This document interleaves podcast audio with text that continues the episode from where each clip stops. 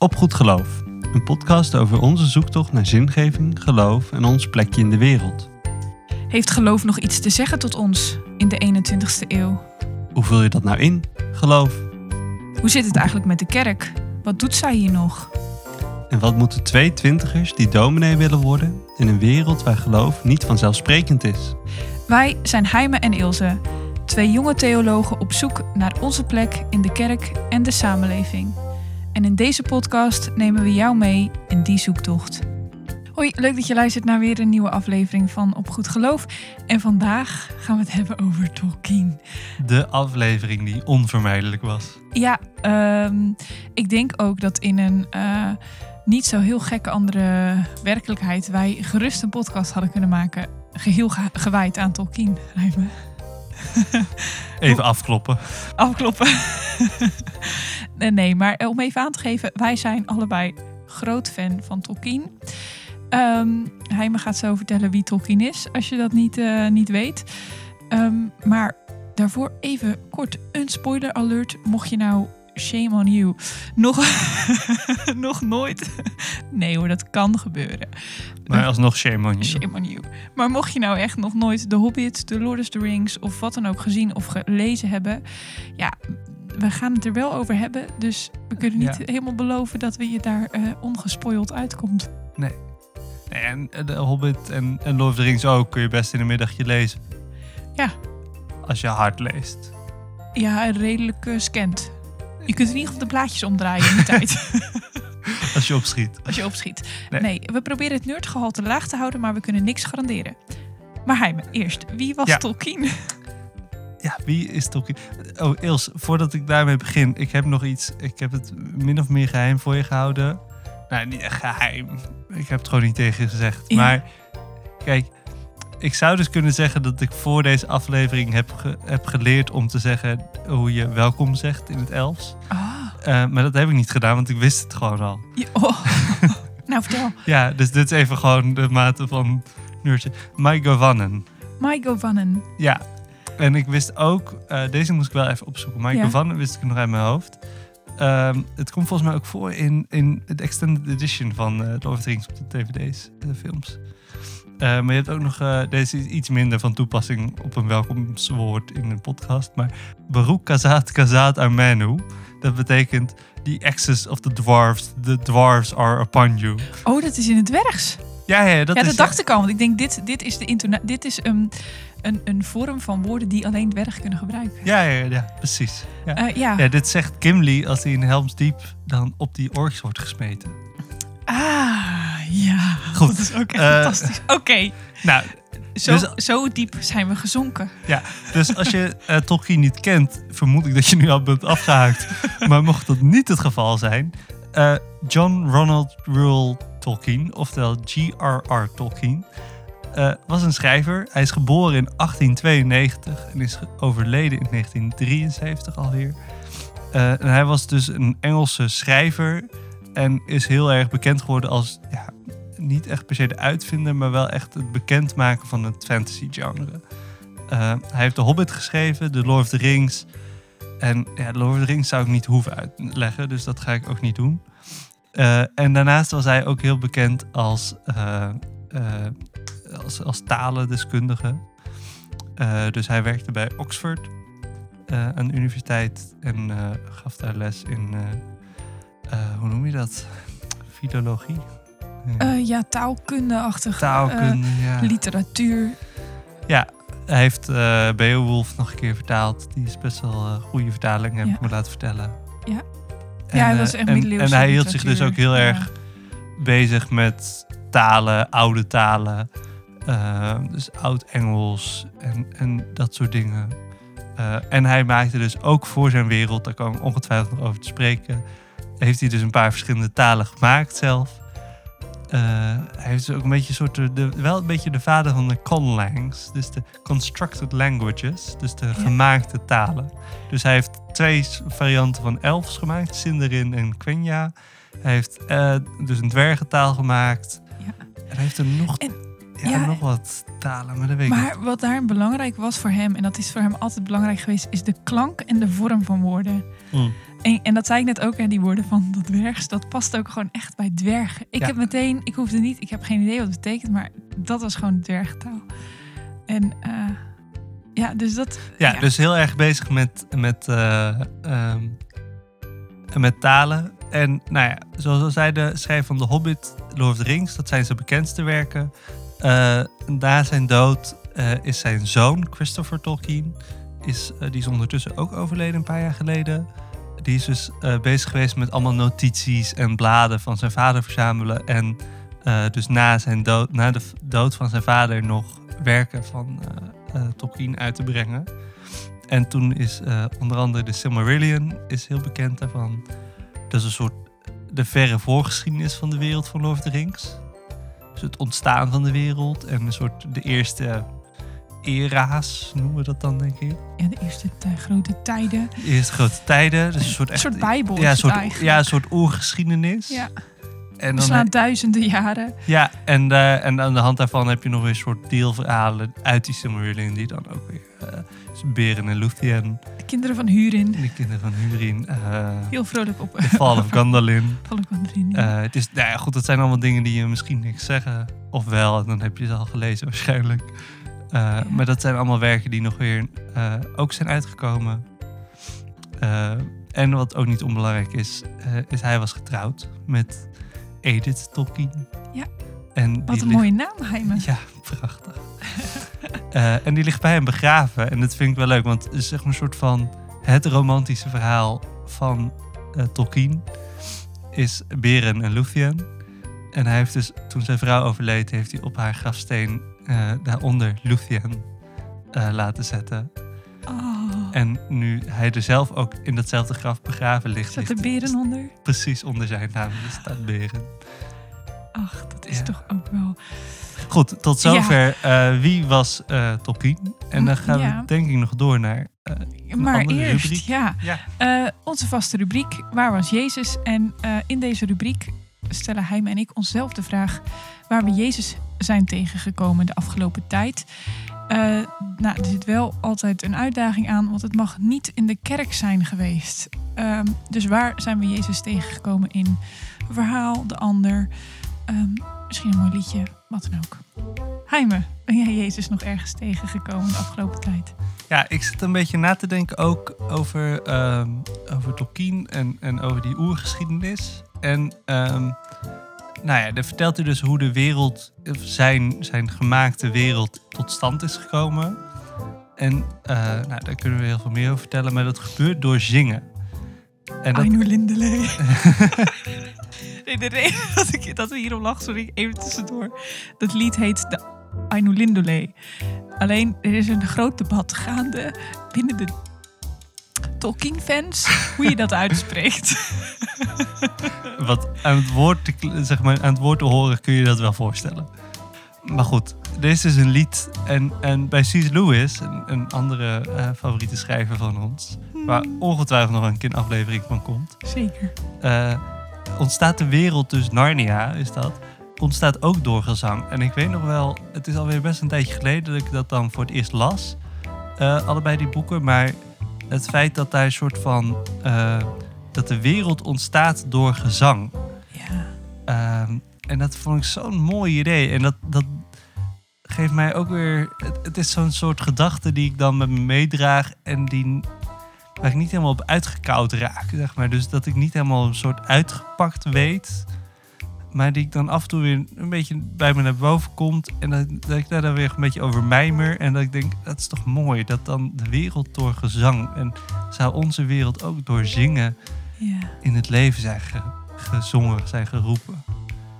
En dat vind ik gewoon, ja, dat is gewoon zo'n gedachte die mij dan een soort inspireert, maar niet echt per se tot praktisch iets aanzet of zo, maar gewoon die ik gewoon mooi vind. Dat vind ik gewoon, eh, ja, daar zie ik dan iets van Christus in. ja. Wat van Christus zie je daarin? Ehm, ik denk gewoon het, het soort de schoonheid of zo. Ja. Het feit dat Christus ons geschenken geeft en dat ik dan ook mag genieten van schoonheid. Van het geschenk zelf. Ja, Ja. en dat ik gewoon ergens van mag genieten zonder dat het per se nuttig hoeft te zijn. Of dat het vrije tijd hoeft te zijn of iets dergelijks. De kunst van, van muziek en van poëzie. Dit komt wel terug zometeen, denk ik. Dat is iets wat bij zowel Lewis als Tolkien heel erg sterk aanwezig is, maar waarin ja, echt die schoonheid zo centraal staat. En de schoonheid komen we tegen in muziek, maar ook de wereld Ja, om ons en- heen. En ook in Jezus.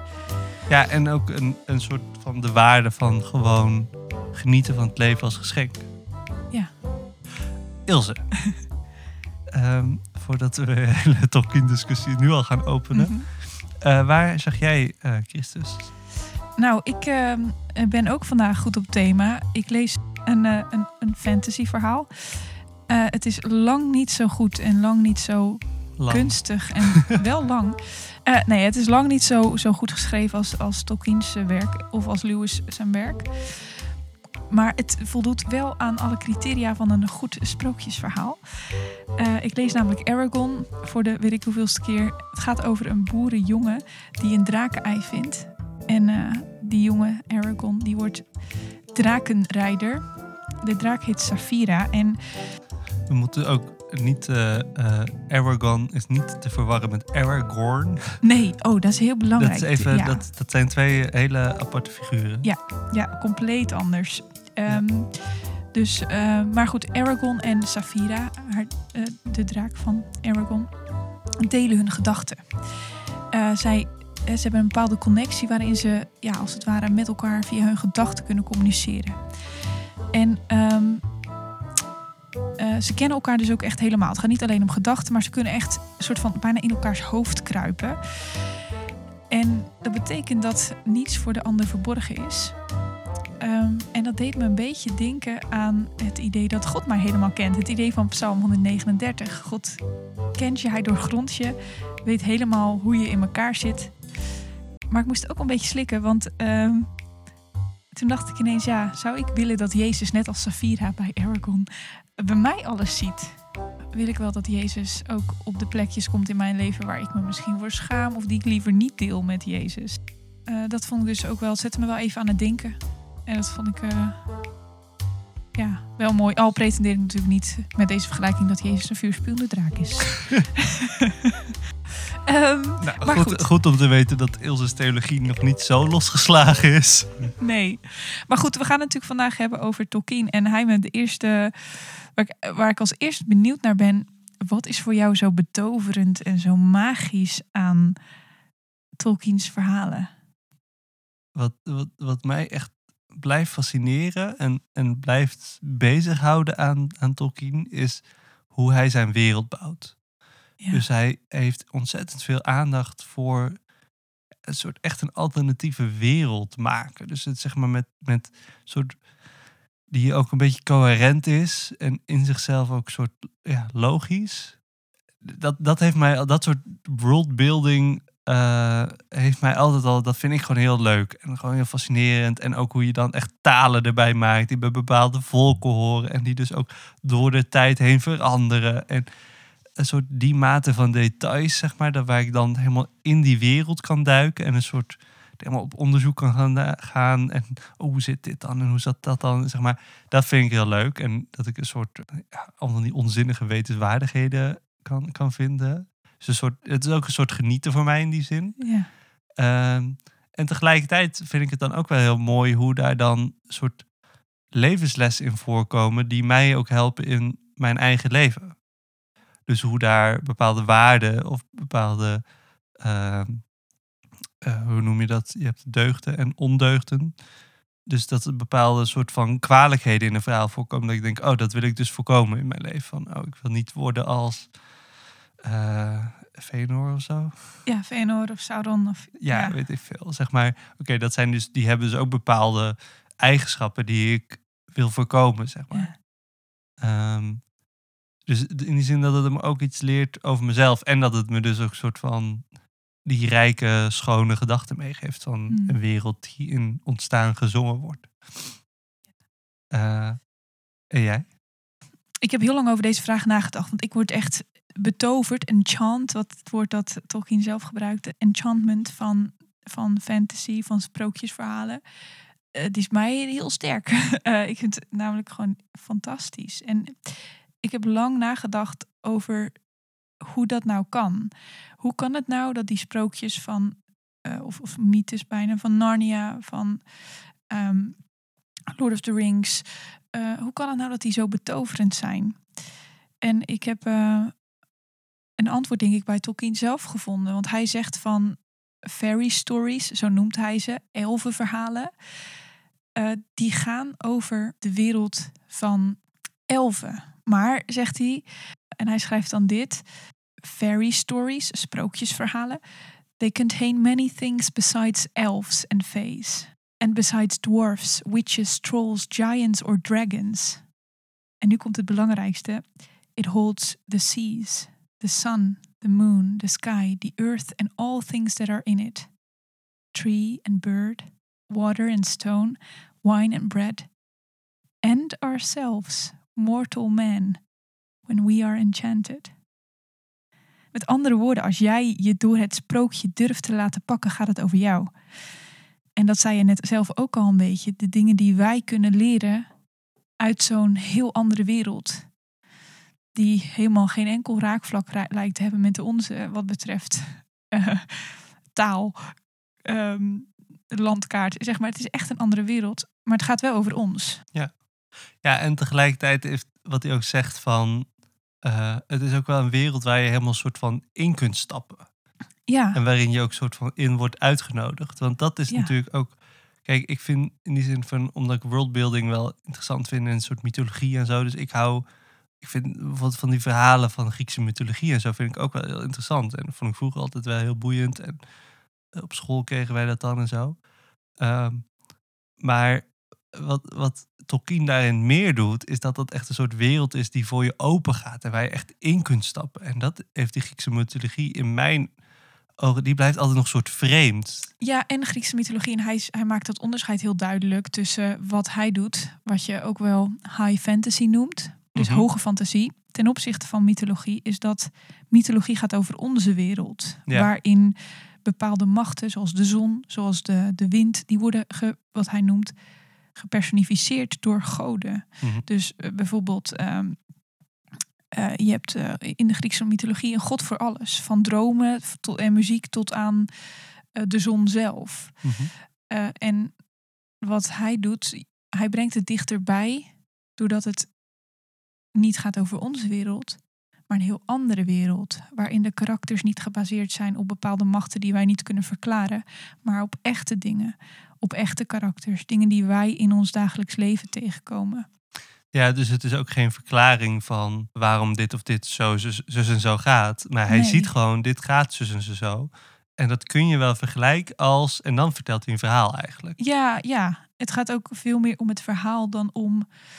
Bij Tolkien dan om iets te verklaren. Hij is bijvoorbeeld... Ik denk ook niet dat Tolkien bezig is, wat wij er nu uithalen van uh, het, het zijn niet een soort gelijkenissen die hij vertelt. Dat doe ik nu, maak ik er nu bijna van. Maar het gaat hem echt om het vertellen van een verhaal. Daar is hij gewoon mee bezig. En het scheppen van een wereld in die zin. Maar dat daar een soort levenslessen in bij meekomen, dat is een soort bijproduct. Wel heel belangrijk, denk ik. Maar dat komt ook omdat Tolkien, Tolkien is uh, een katholiek man, is diep gelovig. En die wil dus ook zijn, de wereld die hij maakt, uh, ook daarmee een soort uh, coherent laten zijn. Dus ook wel echt soort van, hij wil niet een wereld scheppen die niet, ja, uh, die zijn katholieke geloof echt, echt expliciet tegenspreekt. Nee. dus daarin is het ook wel logisch. En je ziet ook wel in de manier waarop hij schrijft dat hij natuurlijk ook bepaalde christelijke waarden heeft, die hij wel in die wereld stopt. Daar komen we zo meteen nog wel over te spreken, denk ik, uitgebreid. Ja, en om toch nog even terug te komen op die, die betovering, zeg maar. Hè, dus de enchantment die wij ervaren doordat we onszelf herkennen. Wat hij dus, wat hij zegt is van, hé, hey, maar die fantasie die spreekt heel veel mensen zo aan door een bepaalde magie. En hij, hij is heel voorzichtig met het woord magie. Je zult het bijna niet zien gebruiken. Maar hij zegt eigenlijk de magie is niet het doel in zichzelf. Um, maar de magie, wat dat doet, is het vervult onze diepste verlangens. En hij noemt daar twee van. Uh, en de eerste is The Depth of Space and Time. En de depth of space and time gaat over waar we het net al heel even over hadden. hè. In die Silmarillion bijvoorbeeld omschrijft hij, het is compleet nutteloos voor je idee, omschrijft hij duizenden jaren geschiedenis die voorafgaan. Lord of the Rings, hoeveel pagina's heeft dat bij elkaar? 1500? Met Eh, zoiets. gemak. Dat beschrijft hij in de Silmarillion in hoeveel pagina's? Drie? Ja, zoiets. Ja. Je moet, dus dat is even de depth van het verhaal achter de Lord of the Rings.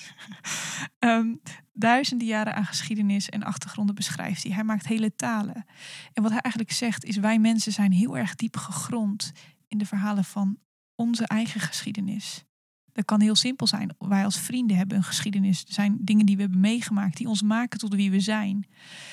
En hij zegt eigenlijk, ons diepe verlangen is gekend te worden en onze plek te weten in deze wereld. En dat doet hij, dat verlangen vervult hij door die wereld te bouwen. En die wereld moet daarom ook echt anders zijn. En het tweede verlangen, en die vind ik heel interessant, en ik denk dat we daar zo meteen nog wel bewust of onbewust over gaan hebben, is the desire of man to hold communion with other living things. Oh.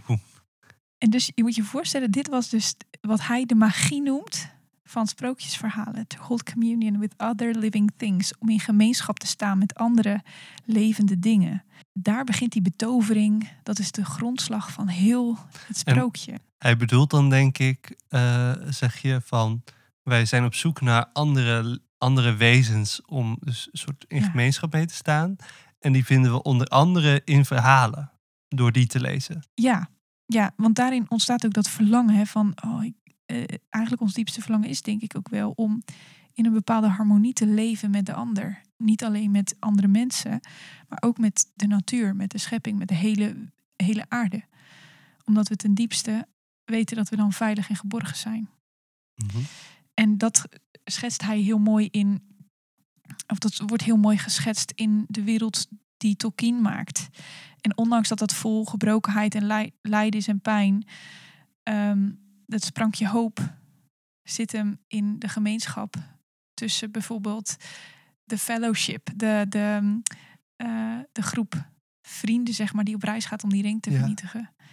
Ja, want dat is, zeg maar, wat ik zo heel interessant vind aan die gedachte is, of heel mooi ook, is het feit dat ehm, over het algemeen zijn we een beetje geneigd dan een soort van, eh, kijk, als je de keuze hebt tussen een soort van een avond naar vrienden gaan of een avond eh, een boek lezen, eh, als je dan spreekt in termen van gemeenschap hebben, dan zul je zeggen, ja, naar vrienden gaan, dat is een soort van, dan heb je gemeenschap met elkaar, daar heb je gewoon, het is gewoon gezellig en dan praat je met elkaar en zo.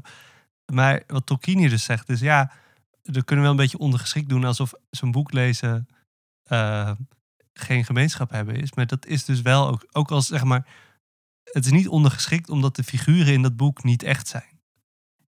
Mhm. En nu zal ik niemand aanraden om alleen maar boeken te lezen en niet meer met andere mensen te praten. Maar dat vind ik wel heel, ja, dat vind ik ergens wel een interessante gedachte. Ja, en ook denk ik omdat wat je leert in die wereld is niet zo, dat blijft niet in, de, in die fantasiewereld. Dat neem je mee naar deze wereld.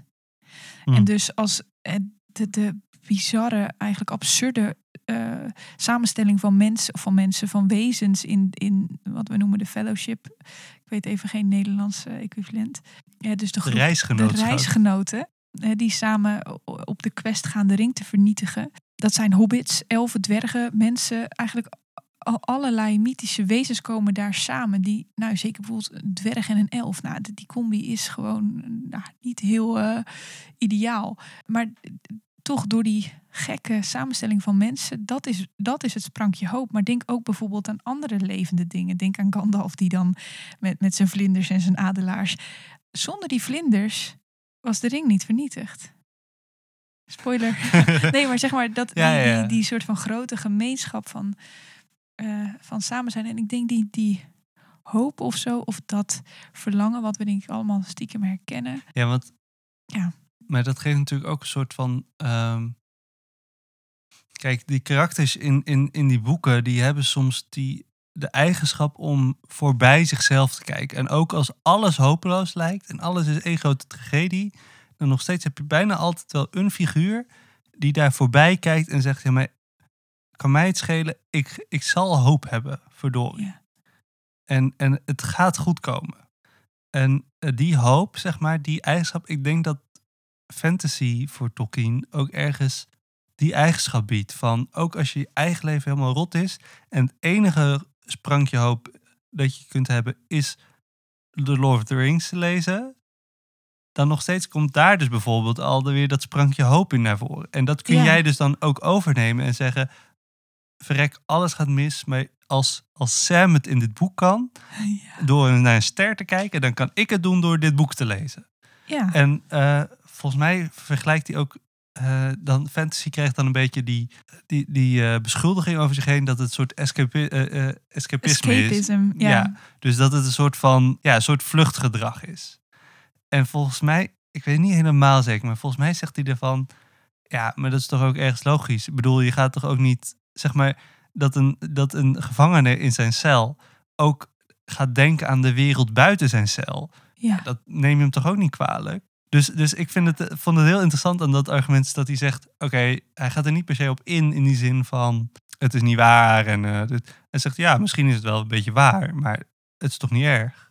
En dat is ook denk ik de kritiek die heel veel christenen hebben op, op iets als, eh, als Tolkien. Is waarom hou je je bezig met, met die fantasie? Dat is niet deze wereld. Dat gaat niet over de echte wereld. Eh, Ik denk dat Tolkien op een bizarre, bizar mooie manier laat zien van nee, het gaat precies over waar het christelijk geloof om gaat. De hoop en het verlangen naar, naar een andere wereld waar het beter is. Naar het, het, het verlangen naar hoop zelf. En hij noemt het nut van, van sprookjes is, is volgens hem, hij heeft drie functies. Recovery, dus herstel.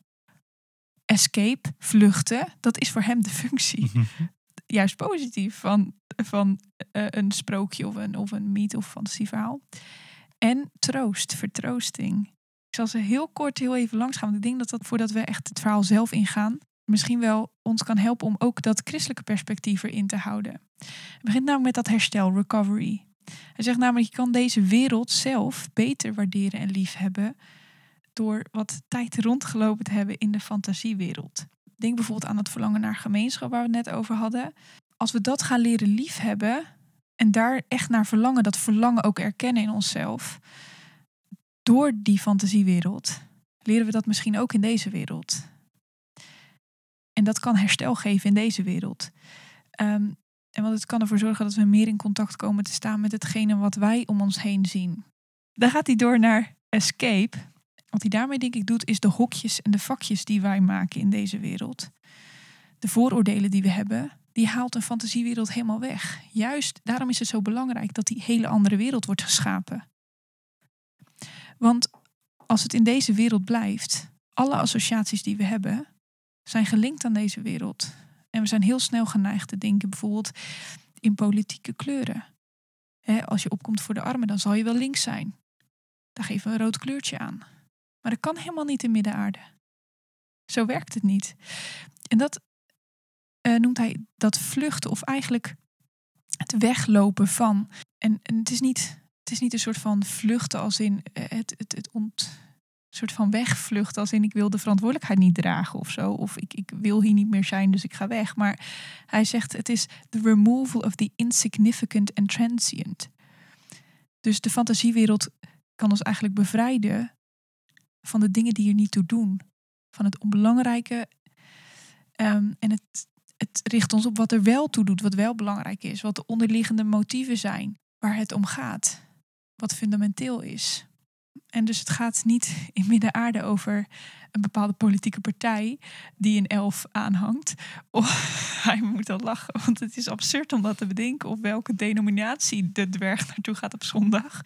Dat zijn niet eens de gedachtegangen die een dwerg heeft. Link je aan protestants of katholiek. Dat is een absurde gedachte. Want in die wereld is alles ontrokken daarvan. Dus dat bestaat niet. Dus eigenlijk, Anders waren de, de dwergen vast katholiek. anders waren de dwerg en de elfen vast katholiek. Maar um, om even kort gezegd, de fantasiewereld opent ons eigenlijk voor wat er echt gaande is in deze wereld. Tot slot, heel kort, vertroosting. En dat is denk ik een mooi bruggetje naar hoop, wat uh, heel erg terugkomt.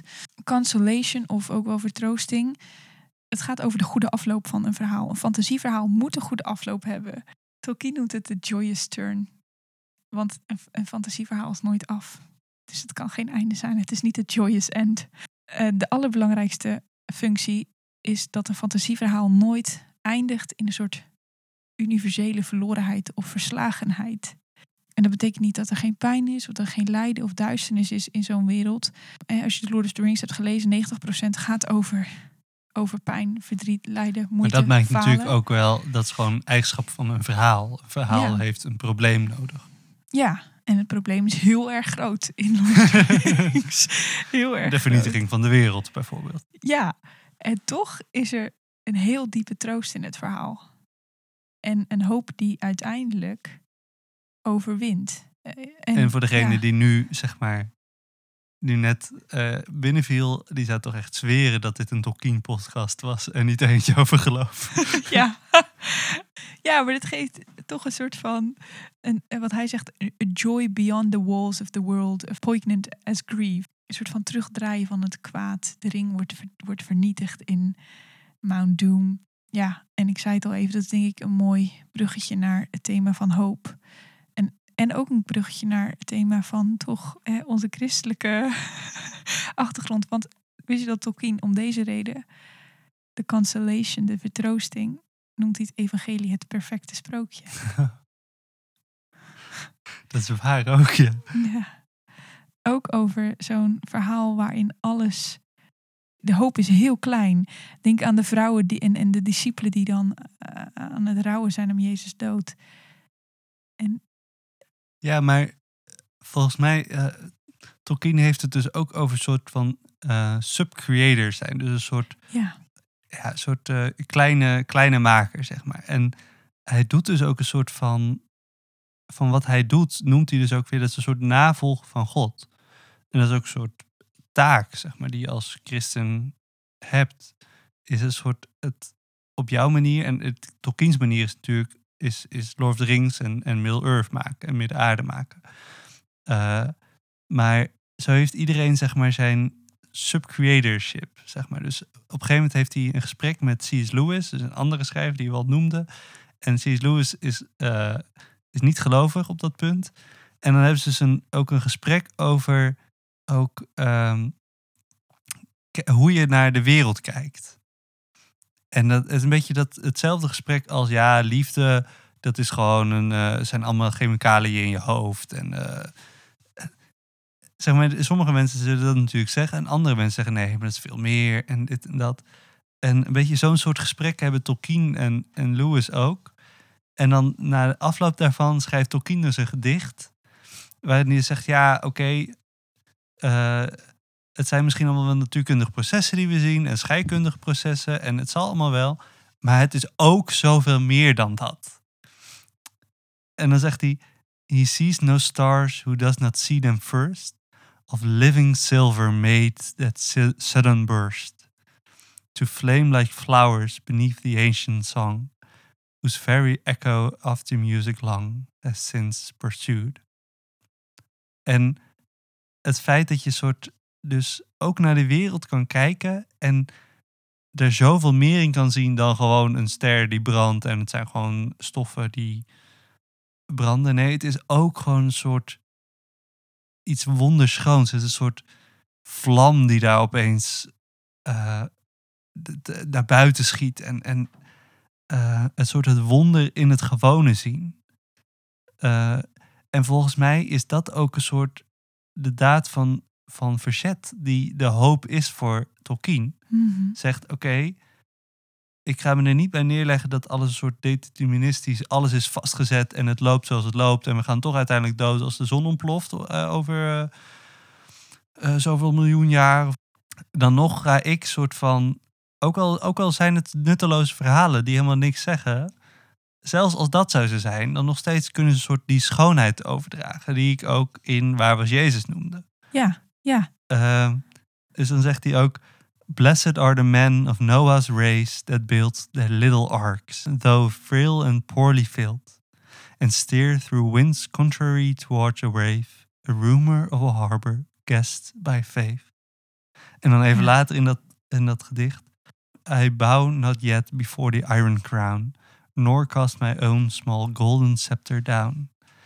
En daarmee zegt hij dus ook van, eh, dit gedicht heet trouwens Mythopoeia. Dus we zullen ook wel de naam en link in de show notes zetten. Ja. Eh, maar dan zegt hij van, ik ga hoop hebben. Tegen, ook als alles gewoon al vastgesteld is. En Mm. weet je, zoals Luther die dan zegt, ook al weet ik dat morgen de wereld vergaat, vandaag ga ik een boom planten. Ja, En dat is volgens mij ook dat soort, dat sub-creator zijn van, van Tolkien. Houdt dat onder andere in van, als mens ben je ook geroepen om dingen te maken. Wel als schepsel. Dus je wordt nooit Mhm. een schepper. Je moet niet die trots daarvan willen hebben. Dat komt ook wel terug in zijn verhalen. Maar je mag ook wel een soort dingen maken en, en daarvoor gaan. En, en die hoop hebben dus in, eh, in tegenstelling tot alles wat er gebeurt. Dat is ook een soort die daad van verzet waar, waar dat subcreator zijn ook in voorkomt, denk ik. Van ook al, eh, ik, ik zal niet buigen voor die ijzeren kroon. Ik, zeg maar, ik heb een gouden sceptertje en hij stelt misschien niet voor, maar ik hou hem vast. ja. En, en dat is ook, die hoop is ook echt heel anders daarom dan bijvoorbeeld een utopie of, of zelfs optimisme. Het is geen berekend iets. Het is niet iets waar je vanuit kunt gaan. Het is ook niet een, eh, een neppe droom of zo. Het is de hoop, hoe klein die ook is, is er wel altijd en is heel stabiel en constant aanwezig in eigenlijk al Tolkien's verhalen. Het is ook a harbor guest by faith. Ja, en, en dat merk je heel erg ook in, in Gandalf, een persoon als Gandalf. En dan wordt er bijvoorbeeld bij de Hobbit gevraagd waarom hij in vredesnaam een Hobbit heeft uitgekozen die er zelf niet eens weet of zin in heeft. Hobbits even zijn kleine, kleine figuurtjes. Ja, Heel schattig, heel leuk. Iedereen wil een hobbit zijn. Ja nou ja, dat dat is eigenlijk wel waar. En, en ik bedoel, Tolkien maakt er ook een punt van door te beginnen met de hele geschiedenis van, van Hobbits. En, en eigenlijk het hele, wat hij daarmee doet, denk ik, is Dat onder zijn ook echt de eerste tien pagina's. Een soort nou, tien, ik denk 50, Nee, 30 denk ik. 30. Nou, echt best wel lang. We, zijn echt, we gaan het over de hele geschiedenis en cultuur van hobbits. Die dus Ja. ergens afgezonderd in een hoekje En tevreden over leven. Ja, over, Over wat, voor, wat voor feestdagen ze en hebben. wat voor soort tabak ze fijn vinden. Echt, Letterlijk. maar het punt, denk ik, wat Tolkien wil maken, is om aan te geven dat hobbits hele saaie, gewone wezentjes zijn. Die Ja. het liefst gewoon lekker zeven keer eten op een dag. In hun holletjes, onder de grond, ver verstopt van alle mogelijke avontuur. Letterlijk hebben ze ook zeven maaltijden op een dag. Die Ja. Tolkien dus ook beschrijft in de eerste Zeker. 30 pagina's. Zeker. En hoe laat ook die maaltijden plaats moeten vinden. Ehm, de, maar het gaat erom, Tolkien maakt dus een punt om te zeggen, hobbits zijn heel saai, willen helemaal niet op avontuur. En dat is, een van die hobbits kiest Gandalf uit voor een heel groot verhaal. En daarin wordt hem dat gevraagd. Maar hij zegt ja, omdat de kleinste, de meest onopvallende, dat is de hoop voor ons verhaal. Dat laat denk ik heel erg zien hoe dat Tolkien omgaat met die hoop. En zelfs als alles dan helemaal onzeker en duister is, dan zegt Gandalf: Hope and memory shall live still in some hidden valley where the grass is green. Eh, eh, Het is een sprankeltje wat heel het verhaal. Het is echt een heel klein dingetje, die hoop. Maar wat wel heel het verhaal helemaal draagt. Only a fool's hope. Only a fool's hope. Dat is Gandalf's uitspraak. Ja, maar tegelijkertijd is die hoop die dus door al die verhalen heen... en door Lord of the Rings en door de Hobbit en door de Silmarillion... en door al die verhalen heen zit die hoop. Maar het is geen eh, ongegronde hoop. Nee. En dat komt weer dan weer bij dat katholieke geloof ook van Tolkien. Je hebt daadwerkelijk wel een god boven alle... Je hebt allemaal soort ja, angelic beings, de Valar en zo. soort en je hebt, je ja, hebt hele soort engelachtige figuren. ja, je hebt een soort hele orde van, van ja, soort van eh, bijna goddelijke wezens. Ja. Eh, Maar dat zijn duidelijk geen halfgoden, want de, god, de, de wereld van Tolkien als katholiek kent maar één god, namelijk Eru Iluvatar. Nogmaals, ik begrijp als je afhaakt niet. Eh, nee, een grapje. En eh, nou, die komt helemaal aan het begin komt die voor.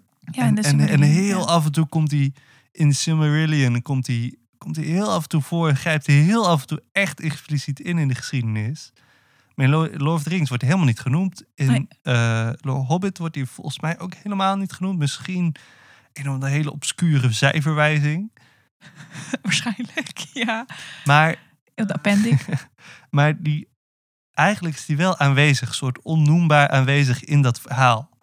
Ja. En dat is die hoop dat er namelijk wel echt de one is, de ene god, Eru, die echt wel op de achtergrond zorgt dat er een hobbit wordt uitgekozen om die ring van het kwaad naar de vulkaan te brengen waar die heen moet. Ja, en ik bedoel, Gandalf is ook gestuurd door een, eh, door, ik ga het toch even noemen, door Manwe. Dat is de, de soort van, nou, laten we zeggen, de aardse engel eh, ehm, van Iluvatar, van, van God, zeg maar.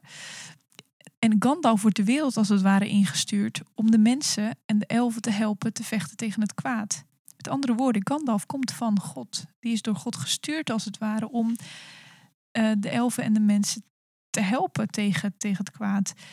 Het is echt niet voor niets dat Gandalf deze hobbit, deze kleine hobbit uitkiest.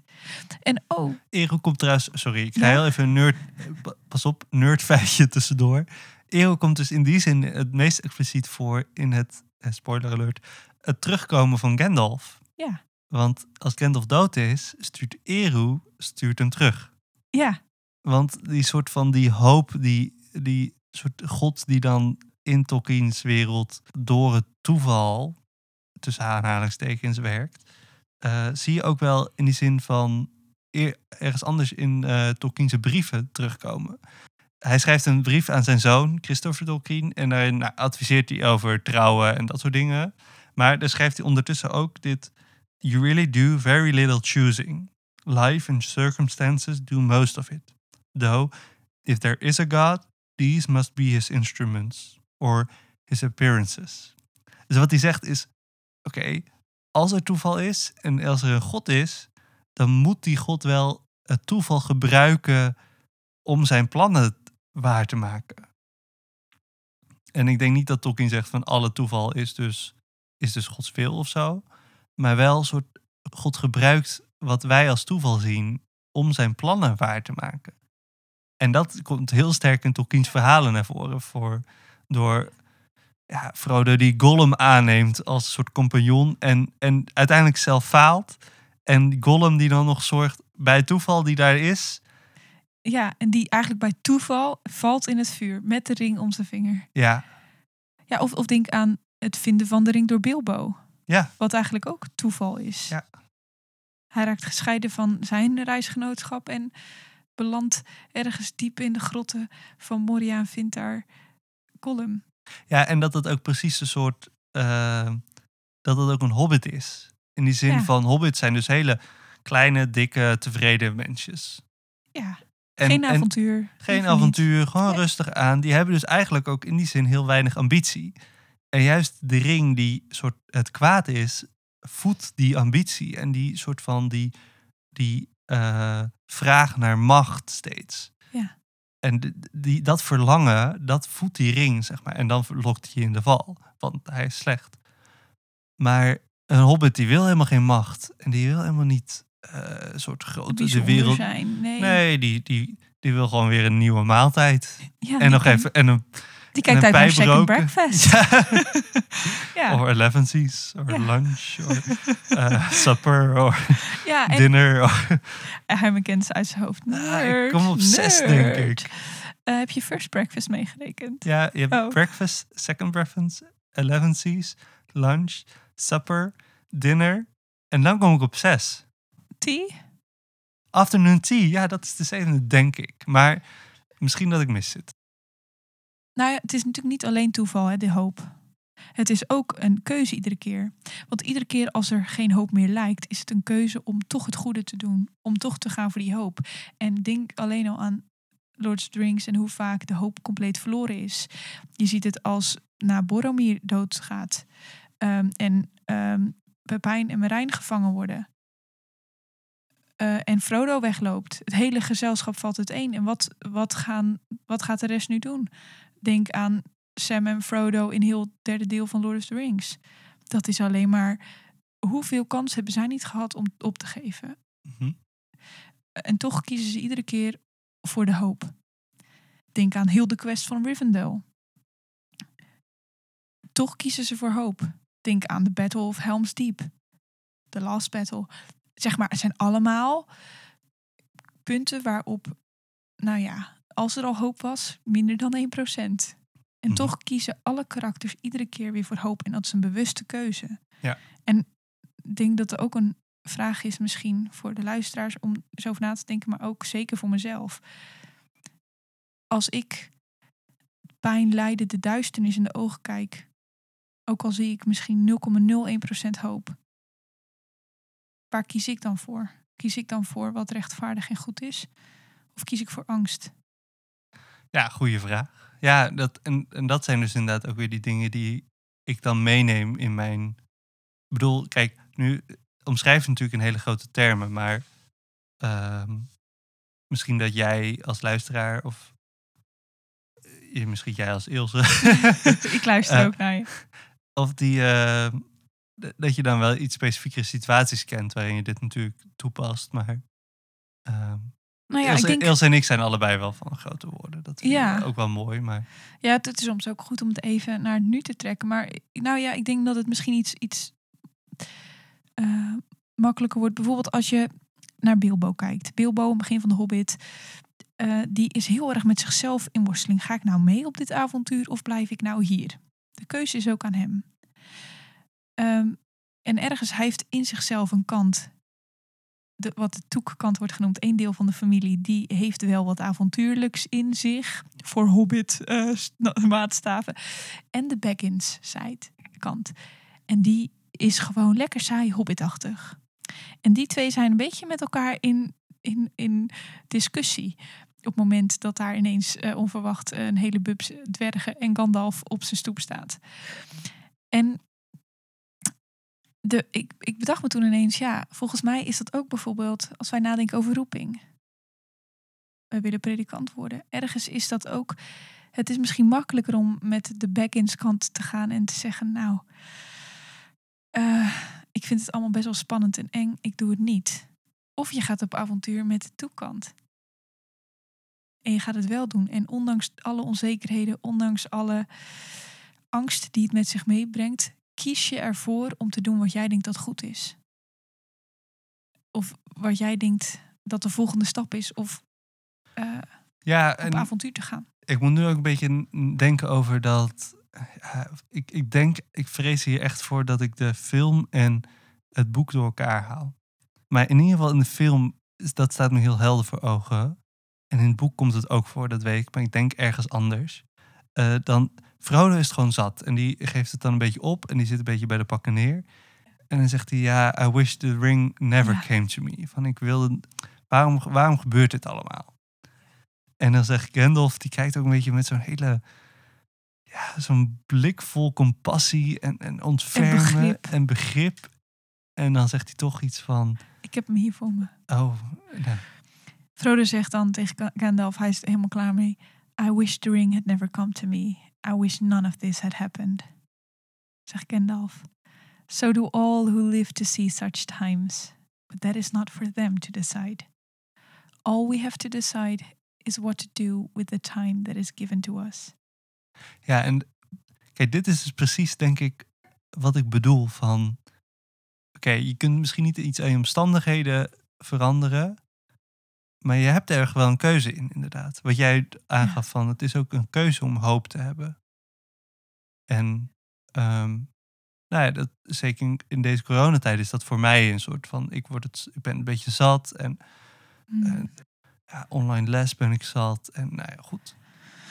ja. Dus in die zin, zeg maar, kan ik ook wel af en toe even doorheen zitten. Maar dit is dan wel weer zo'n, oké, over de tijd waar ik in leef kan ik niks zeggen. Maar over hoe ik daarin leef wel. En dan natuurlijk mag ik nog steeds balen en verdrietig zijn en het stom vinden en zo. Maar die algemene tendens is wel dat ik af en toe ook kan kiezen, oké, ik kan hier ook hoop hebben. En ik denk dat dit laatste punt is waar we over veel praten. Nou, we hadden het een beetje over gemeenschap, maar ik denk dat in die zin ook vriendschap in Tolkien zijn werk en in Tolkien zijn leven eh, heel erg belangrijk is. Tolkien eh, zat bij het bekende groepje de Inklings, waar Woep, woep. de eerder genoemde C.S. Lewis ook onder andere bij zat. Ja. En dat was dus gewoon een soort literair clubje. En wij- wij verheerlijken ze waarschijnlijk echt veel meer. Waarschijnlijk was het gewoon een, een literair ballenclubje. Eh, Uit Oxford. ja, uit Oxford.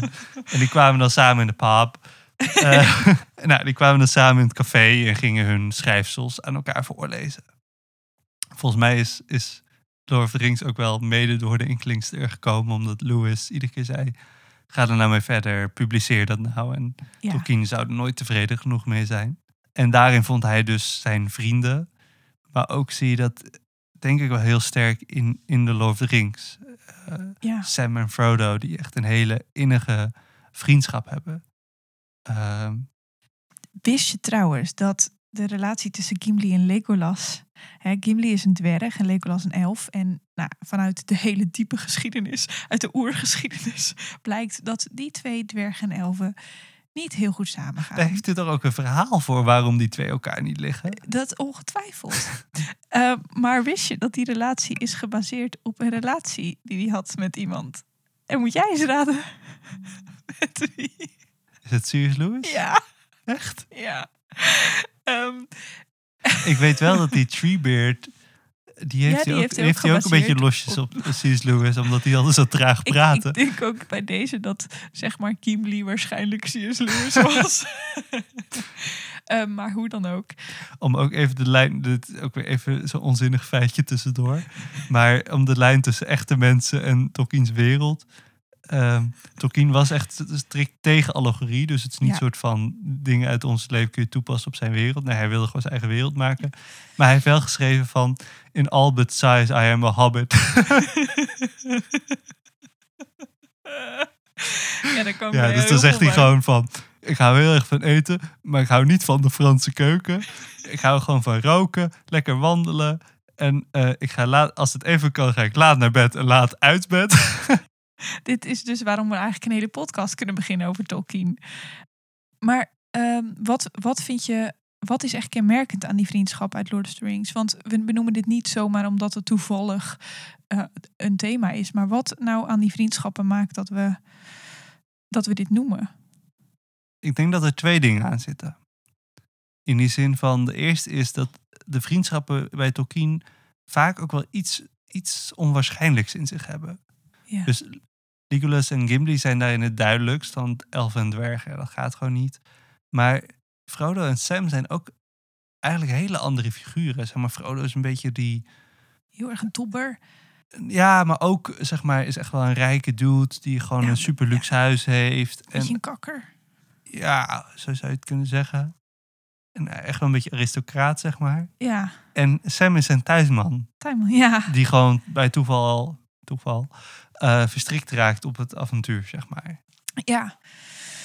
Ja, klopt. En, en dus ergens... ehm, nou, weet je waar ehm, een groot deel... En ook dit, hier was Tolkien tegen om biografische feiten te gebruiken... om dingen te verklaren uit verhalen. Maar ik ga het toch even doen. Ehm, Tolkien heeft in de Eerste Wereldoorlog gevochten. En hij schrijft daarover dat hij op één na al zijn vrienden is verloren. En hij is dan net uit de eh, Eerste Wereldoorlog... Nou, laat hij een jaar of twintig zijn geweest. Al zijn vrienden op één na is hij verloren. Maar in die, eh, vooral Sam en Frodo, die relatie lijkt gebaseerd op een relatie die ontwikkelt in een strijd. In, in bijvoorbeeld de loopgraven. En als je er zo over nadenkt, dan heb je heel veel overeenkomsten. Zie je terug. Elkaars leven voor de ander willen geven. Eh, of je nu uit de arbeidersklasse komt of een aristocraat bent, dan maakt ineens in de loopgraven niet meer uit. En ehm, er is een heel sterke, bijna broederlijke band tussen die twee. En die ontstaat eigenlijk door wat ze tegenkomen door de. ehm, nou, een veldslag is het niet, maar wel een, een, Een hele strijd te een, voeren ze. diepe strijd. Ja, en ik denk dat me dat ook wel brengt op het tweede punt, wat ook nog wel over die vriendschap te zeggen is. Is dat eh, juist die vriendschap ook wel vaak maakt dat het avontuur afgemaakt kan worden. Ja. Dus Sam loost Frodo, of die draagt op een gegeven moment letterlijk Frodo op zijn rug, zeg maar. En ik denk dat je die vriendschap tussen Aragorn en eh, Gimli en Legolas aan de ene kant en eh Pippin en Merry Ja, aan de andere kant, dus die, ook die, die hele jacht voor hen gaan beginnen. Maar Pip en Mary die elkaar ook weer er iedere keer doorheen lozen. En gewoon de, de vriendschap onderling tussen die hele fellowship, het reisgenootschap. Eh, zeg maar, ze zorgen iedere keer, ze trekken elkaar er iedere keer doorheen. ja. Ja, en dat is dus ook natuurlijk weer terugkomend, dan is de cirkel rond op dat diepe verlangen van een mens om in, in verbinding te staan tot de ander. Dat zorgt er uiteindelijk ook voor dat het kwaad wordt overwonnen. Want zonder, zonder dat Sam Frodo het laatste stukje had ge- gedragen, zonder dat ehm, Gimli en Legolas, nou zeg maar, de hele, alle verbindingen met elkaar, die zorgen er uiteindelijk voor dat ze niet alleen elkaar dragen, maar ook de hoop zo aantrekken dat het toeval hun kant op valt. Ja, maar dat is ook in die zin, als ik dan een soort nadenk over samen er doorheen, elkaar er doorheen trekken. De schurken die je hebt in Lord of the Rings en, en eh, ik denk een beetje soort de, de villains. Ja, De meest duidelijke zijn is, is Sauron en in de Silmarillion is dat Melkor. Ja, Ehm, en het is een beetje een working theory hoor, maar ehm, je weet van hun in ieder geval ook van Melkor is een soort ja de gevallene zeg maar een soort ja, gevallen engel. ja je zou het Ja. met recht wel een soort duivel kunnen noemen. Ja. Ehm, maar die die eh, voor zijn val eh, isoleert hij zichzelf dus ook van zijn broeders en zusters. Ja. En dat zorgt er onder andere voor eh, dat hij ja, dat hij gevallen, zeg maar, dat hij uiteindelijk slecht wordt. Of dat hij die keuze Ja, maakt om, ja. om te- eh, in opstand te komen. Het, ja, het En, en keuze, Sauron ja. doet het ook allemaal in zijn eentje. Ja. En die bestuurt wel zijn hele legers. En maar- hoe denk je dat Smeagol uiteindelijk Gollum is geworden? Ja, ook in zijn eentje. Ja, doordat hij in een complete afzondering van alles leefde. Ja, en Saruman trekt zichzelf terug en wordt dan ook een beetje corrupt. Eh Grima Wormtongue heeft ook niet, werkt ook niet echt. sa- Hij werkt, ze werken voor of met, zeg maar, ze werken voor mensen misschien. Of ze hebben mensen onder hen die. Maar ze die hebben werken- geen echte vriendschappen. Nee. En, en ook ehm Theoden, eh, de koning van eh, Rohan, Mhm. eh, die wordt uiteindelijk ook gered door, doordat hij een oude vriend herkent. Ja. Gandalf die, die hem herinnert aan hun band. Uiteindelijk is, is de nieuwe connectie die we maakt met, met zijn oude vriend... zorgt ervoor dat hij open weer staat naar zijn vrijheid. ja, want dan heb je. Ik denk dat dit alleen in de film voorkomt, maar dan heb je wel die Theon and King stands alone. Ja. En dan komt die hele Rohirrim en not alone. Ja, En, ja. en, dus het is ook inderdaad dat soort vriendschap, maar ook gewoon een soort het samen doen. En die hele Ja. laatste strijd natuurlijk is, is Rohan en Gondor samen. Ja. ja, en daarin wat heel erg terugkomt, is jezelf durven opofferen voor de ander. Ja, en eh, nog eentje trouwens. Is The Last Alliance of, of Elves and Men. Als Sauron de eerste keer wordt verslagen, is dat ook omdat Ja. elfen en mensen samenwerken. Ja, ja. En wanneer de mensen voor zichzelf kiezen, dat zie je al aan het begin bij Feanor. Die kiest liever voor zijn Cimmerillen, dus de, de soort van diamantachtige stukken die Ja. licht geven. Dat, dat, dat In verkiest plaats hij- van dat hij ze deelt ja, voor the good of all. Eh, Zeg maar. Ja. Goed, dit is echt diep in de mythologie. Om, eh, Maar goed, Maar ga de Silmarillion lezen en dan denk je, oh, Oh, daar, hebben ze het over. Ja, ze natuurlijk. doen veel slimmer dan dat ze lijken. Ja. Eh, Maar, ehm, maar goed, nee, maar eh, het is ook die zelfopofferende liefde, denk ik, waar, waarin ik ook dus weer, dat is echt een thema wat heel erg terugkomt. En ook een thema waar, dat is Jezus. En daarmee laat Tolkien een wereld zien waar Jezus heel erg aanwezig is, zonder hem ook maar één keer te noemen. En Ils, dan wil ik eigenlijk nog heel graag... Dit is echt een heel mooi einde wat je nu zegt. Maar ik wil eigenlijk ook heel graag met mijn favoriete... Is het mijn favoriete? Met een van mijn favoriete Tolkien gedichten. En hij is heel bekend. Of in ieder geval één zin eruit is heel bekend. Maar hij is gewoon heel mooi. Ik hoor hem graag. All that is gold does not glitter. Not all those who wander are lost. The old that is strong does not wither. deep roots are not reached by the frost. From the ashes a fire shall be woken, a light from the shadows shall spring. Renewed shall be blade that was broken, the crownless again shall be king. En die laatste zin die is voor mij ook, als je zegt, Jezus is overal in die verhalen aanwezig, maar onnoembaar. The crownless again shall be king. Ja. Ja, dat, het gaat hier over Aragorn natuurlijk, dat weet iedereen. Maar dit gaat volgens mij ook over Jezus. Heel erg bedankt dat je luisterde naar deze aflevering van Op Goed Geloof. We willen graag dat meer mensen ons vinden, dus vond je het leuk? Stuur deze podcast dan door en laat anderen ook kennis maken met de podcast Op Goed Geloof. Je kunt ons beluisteren op Spotify en iTunes en waar je ook maar naar je podcast luistert. Heb je ideeën of vragen? Of weet je een gast, onderwerp of thema dat echt een keer op deze podcast langs moet komen?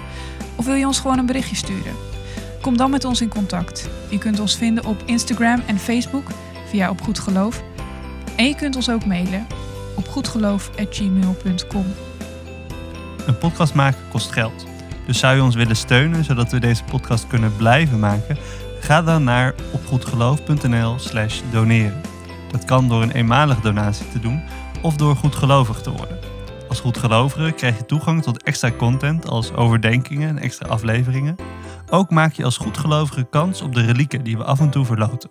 Mocht je helemaal geen zin hebben om ons geld te geven, maar wil je wel wat doen, niet getreurd. Je helpt ons al enorm door een goede review achter te laten op iTunes. Geef ons bijvoorbeeld 5 sterren. Zo kunnen meer mensen op goed geloof vinden. Bedankt voor het luisteren en tot de volgende keer.